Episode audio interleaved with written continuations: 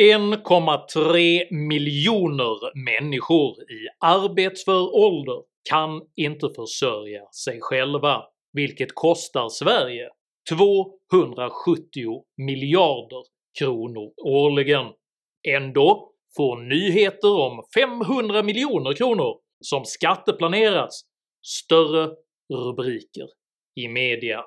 Jag heter Henrik Jönsson och jag är en oberoende libertariansk entreprenör och samhällsdebattör. En fjärdedel av Sveriges arbetsföra befolkning kan enligt nya siffror från Svenskt Näringsliv inte försörja sig själva. Denna situation är varken ekonomiskt, konkurrensmässigt eller moraliskt hållbar. Hur blev det så här? Vad gör regeringspartierna åt situationen och vad händer med ett land som prioriterar känslor, bilder och önskningar före verkliga ekonomiska förutsättningar? Dessa frågor tar jag upp i veckans video. Jag försörjer mig själv och är därför beroende av ert frivilliga stöd för att kunna fortsätta att göra aktuella nya videokrönikor varenda vecka. Så ett stort, stort tack till de av er som bidrar. Via något av betalningsalternativen här ute till vänster. Är du ny här på kanalen så kan du dessutom med fördel prenumerera här nedanför, se även till att klicka på den där oekonomiska klockikonen, men prenumerera framförallt på mitt kostnadsfria veckobrev som finns länkat i videons beskrivning, så missar du garanterat aldrig när jag släpper nya filmer, vilket jag gör med mycket hög arbetsmoral varenda lördagsmorgon klockan 08.00 svensk tid. Idag talar jag om försörjning, finanser och förfall. Häng med!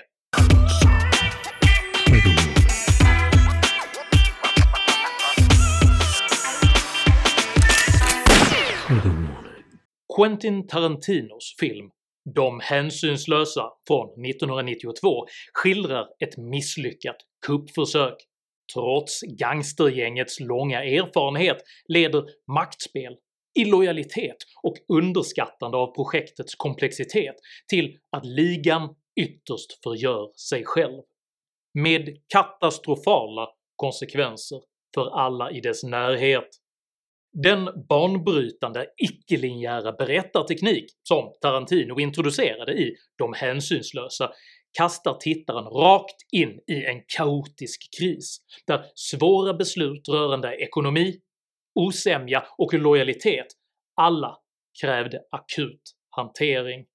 På ett snarlikt sätt slängdes finansminister Magdalena Andersson plötsligt rakt in i den svenska politikens konfliktfyllda epicentrum när hon i förra veckan nominerades till ny partiledare för Socialdemokraterna.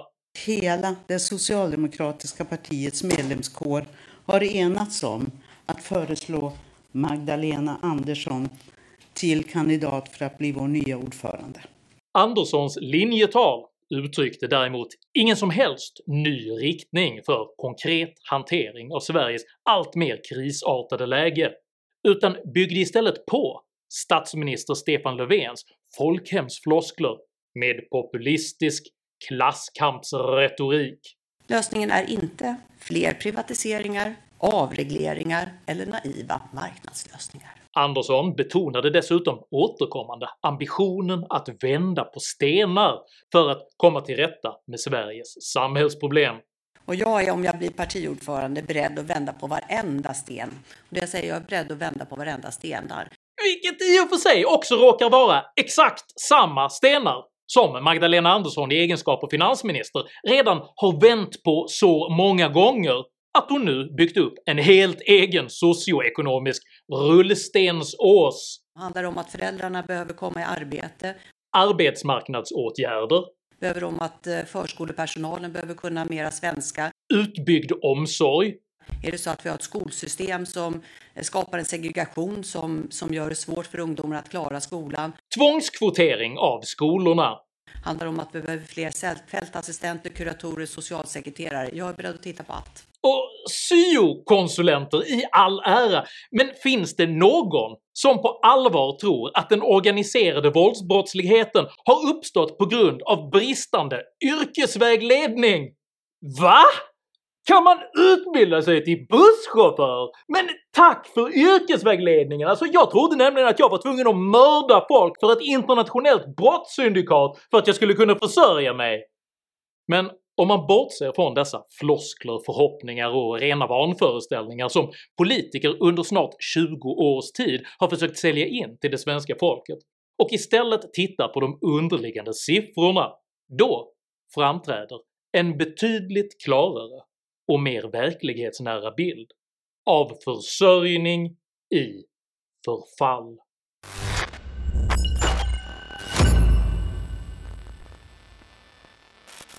När stödet för maximerad migration pikade någon gång runt 2015 betraktades alla former av konsekvensanalyser och ekonomiska prognoser som rasism. Detta samtidigt som helt ounderbyggda glädjekalkyler och påståenden oemotsagda hyllades av både politiker och av media. I själva verket handlade denna fråga varken om rasism eller etnicitet, utan om kompetens och integrationsmöjligheter. Sveriges arbetsmarknad är nämligen mycket hårt reglerad, och för att vara anställningsbar i Sverige måste arbetskraften därför vara relativt högutbildad. Detta vet alla. Att utan hänsyn till dessa förutsättningar ändå ta emot ett mycket stort antal personer från ekonomiskt och bildningsmässigt svagpresterande länder kräver således antingen att man avskaffar den rådande svenska arbetsmarknadsmodellen och skapar utrymme för verkliga låglöneyrken, eller att man fjättrar de lågutbildade nyanlända i långvarigt och skattefinansierat bidragsberoende. Denna sanning om relationen mellan välfärd, kompetens och migration beskrevs av den nobelprisbelönte ekonomen Milton Friedman redan på 1970-talet. It is one thing to have free immigration to jobs, it is another thing to have free immigration to welfare. And you cannot have both. Sverige försöker trots detta att förena en stor lågutbildad migration med en stor och frikostig välfärdsstat. Med resultatet att man har skapat en jättestor och jättedyr arbetslöshet.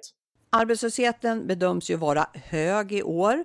Arbetsmarknaden är ju stark för personer som har en gymnasieutbildning men betydligt svagare för personer som står längre ifrån arbetsmarknaden. Eftersom migrationspolitiken såldes in som en lönsam affär saknas dock ett verkligt demokratiskt mandat för dess kostnader. Sittande politiker försöker därför nu att skylla denna allt högre prislapp på sina föregångare. Socialdemokraterna borde ha protesterat när migrationspolitiken lades om, vilket 2015 ledde till att gränserna öppnades och asylinvandringen ökade. Det sa finansminister Magdalena Andersson i P1 Morgon idag. Hur agerade vi socialdemokrater då när det skedde? Eh, det kan man säkert eh, reflektera kring om det. Vi borde ha protesterat på ett annat sätt än vi gjorde. Detta är naturligtvis inte sant, för vid denna tidpunkt tävlade nämligen socialdemokraterna med moderaterna om att ha ett ändå större flyktingmottagande. Detta är inte en kritik av en frikostig migrationspolitik i sig, utan en kritik av att det politiska etablissemanget varken redovisade prognoser, prioriteringar eller ekonomiska konsekvenser av denna politik för det svenska folket så att de kunde göra ett informerat val rörande vilken typ av migrationspolitik man faktiskt ville ha. Så hur ser de verkliga ekonomiska konsekvenserna av den förda politiken egentligen ut? Enligt Svenskt Näringslivs beräkningar består Sveriges arbetsföra befolkning av ungefär 5 miljoner människor, och av dessa kan nu ungefär 1,3 miljoner inte försörja sig själva. Faktum är att siffran sannolikt är ändå högre, men man har även valt att helt exkludera de cirka 500 000 studenter som uppbär studiestöd. Stopp, stopp, stopp, stopp där! säger nu genast de av er som är vänsteraktivister. Sverige har ju faktiskt ett av Europas högsta sysselsättningstal! Detta beror på att begreppet sysselsättning inbegriper alla som arbetar minst en timme under en referensvecka eller som deltar i en arbetsmarknadsåtgärd. Sysselsättning är därför ett politiskt mycket populärt mått när man vill få det att låta som att arbetslösheten är låg, men det säger nästan ingenting om hur arbetsmarknaden faktiskt mår på riktigt. Och på riktigt kan alltså just nu en av fyra arbetsföra inte försörja sig själva i Sverige. Detta innebär totalt sett att 40% av Sveriges befolkning försörjer de resterande 60 procenten. Eller omräknat i reda pengar, de icke självförsörjande kostar Sverige ungefär 270 miljarder kronor om året i form av transfereringar och uteblivna skatteintäkter. Detta ska ställas i relation till att hela det svenska rättsväsendet kostar 53 miljarder kronor om året och det svenska försvaret 63 miljarder kronor om året. Samtidigt har långtidsarbetslösheten i Sverige stigit mycket, mycket kraftigt och uppgår nu till svindlande 190 000 personer. Alltså ungefär lika många som hela Uppsala och hela Skövde tillsammans.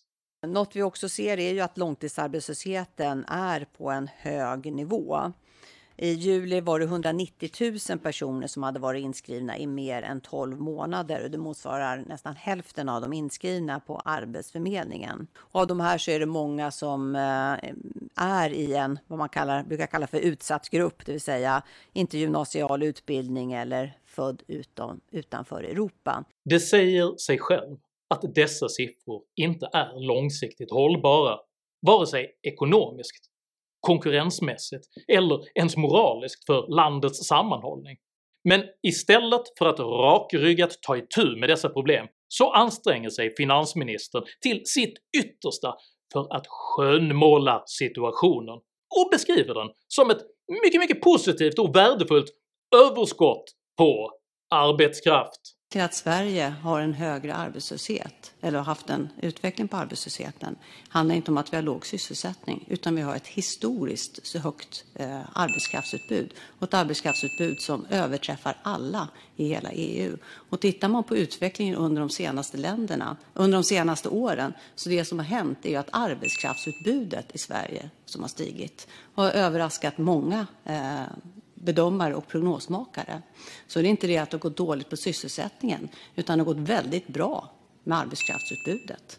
Och det är i grunden någonting som är positivt. Där är dock bra att veta att det som har hänt i Sverige under de senaste åren, det är ju i praktiken en arbetskraftsutbudsrevolution. Så vi har ju verkligen ökat antalet personer som deltar aktivt på arbetsmarknaden i Sverige. Arbetskraftsdeltagandet har ökat, men det som har hänt, det är att arbetskraftsutbudet har ökat. Det som har hänt samtidigt, som också är bra, det är att arbetskraftsdeltagandet har ökat. Det är många fler som söker sig ut på arbetsmarknaden. Det är att det är fler som söker sig ut på arbetsmarknaden. Första steget att få ett arbete är att man kommer ut på arbetsmarknaden. Det som är problemet är då att det är många som har kommit ut på arbetsmarknaden. Ja, det, det, är som har hänt det är ju väldigt mycket att det är fler som har sökt sig ut på arbetsmarknaden. Jag vill inte sätta ut in åtgärder så att det är färre som söker sig ut på arbetsmarknaden. Det många fler som söker sig ut på arbetsmarknaden. Det har jag hört dig säga några gånger nu.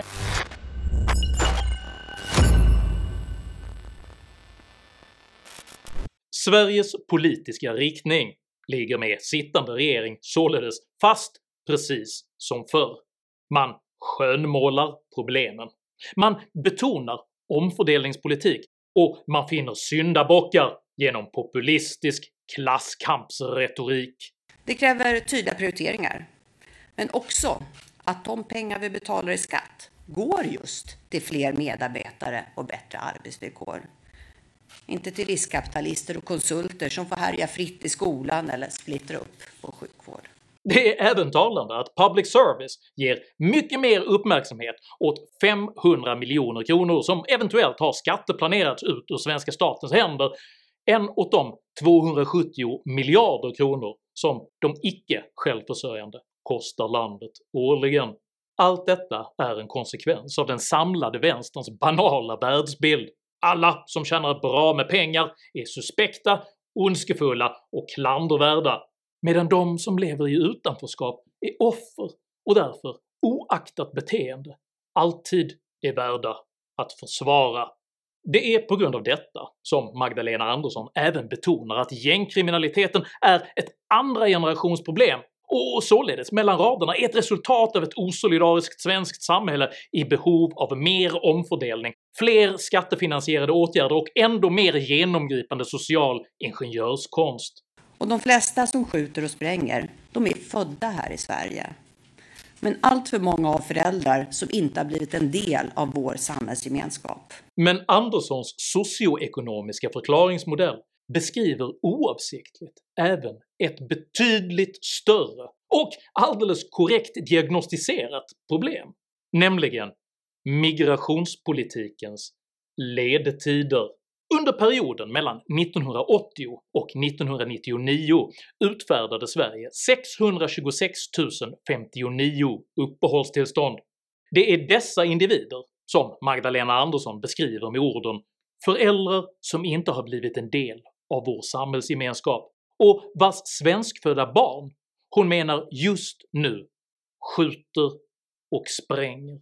Under perioden mellan år 2000 och 2020 utfärdades 2 012 488 uppehållstillstånd. Detta är mer än tre gånger fler än under den föregående 20-årsperiod som finansministern menar la grunden för Sveriges nuvarande kriminalitetsutveckling. Det är utifrån detta perspektiv svårt att inte dra slutsatsen att Sveriges framtid slutligt avgörs av hur kompetent denna situation hanteras under de närmsta få åren. Problemet med den sittande regeringskonstruktionen är dock att socialdemokraterna, miljöpartiet, vänsterpartiet och centerpartiet paralyserar varandra genom ömsesidiga blockeringar av alla reformförsök. Vänsterpartiet tolererar inte Centerpartiets försök att reformera arbetsmarknaden. Centerpartiet tolererar inte Vänsterpartiets krav på en mer muskulös stat. Miljöpartiet bromsar Socialdemokraternas försök att reglera migrationsflödena, och Socialdemokraterna skyller i sin tur allt på alla andra. Denna typ av situation brukar kallas för ett “mexikanskt dödläge” vilket är ett begrepp som beskriver en låst konfrontation vars parter vare sig kan frigöra sig från varandra eller vinna konflikten. Dödläget gör att regeringen endast agerar under tvingande och akuta kriser. Migrationskrisen 2015, gymnasielagskrisen 2018, pandemikrisen 2020, cementkrisen och slutförvaringskrisen 2021. Detta leder till en reaktiv och kortsiktig politik där beslut återkommande hastas fram i elfte timmen, vilka i allmänhet bara skjuter problemen framför sig, samtidigt som de underkänns av både lagrådet och av regeringens egna expertmyndigheter. Detta är det andra problemet med ett mexikanskt dödläge. De dåliga beslut som väl fattas riskerar att utlösa ömsesidig förgörelse av samtliga inblandade. Tycker du det är viktigare att börja hantera Sveriges sociala, ekonomiska och demografiska problem än att på ideologisk grund upprätthålla ett maktpolitiskt dödläge? I så fall tycker jag att du ska dela den här videon med dina vänner, och varför inte prenumerera på min YouTube-kanal när du ändå är i farten? Har du egna erfarenheter av hur konsekvenserna av regeringens politik på olika sätt döljs? Dela i så fall gärna med dig av dina erfarenheter i kommentarsfältet här nedanför, för jag samlar på denna typ av information och uppskattar all respektfull kommunikation. Tänk dock på att alltid vara artig. Jag tolererar inte aggression, personpåhopp eller rasism i mina idédrivna kommentarsfält. Tack för att du som kommenterar respekterar detta. Jag heter Henrik Jönsson och jag anser det vara varje vuxen människas plikt att försörja sig själv. Tack för mig, och tack för att ni har lyssnat.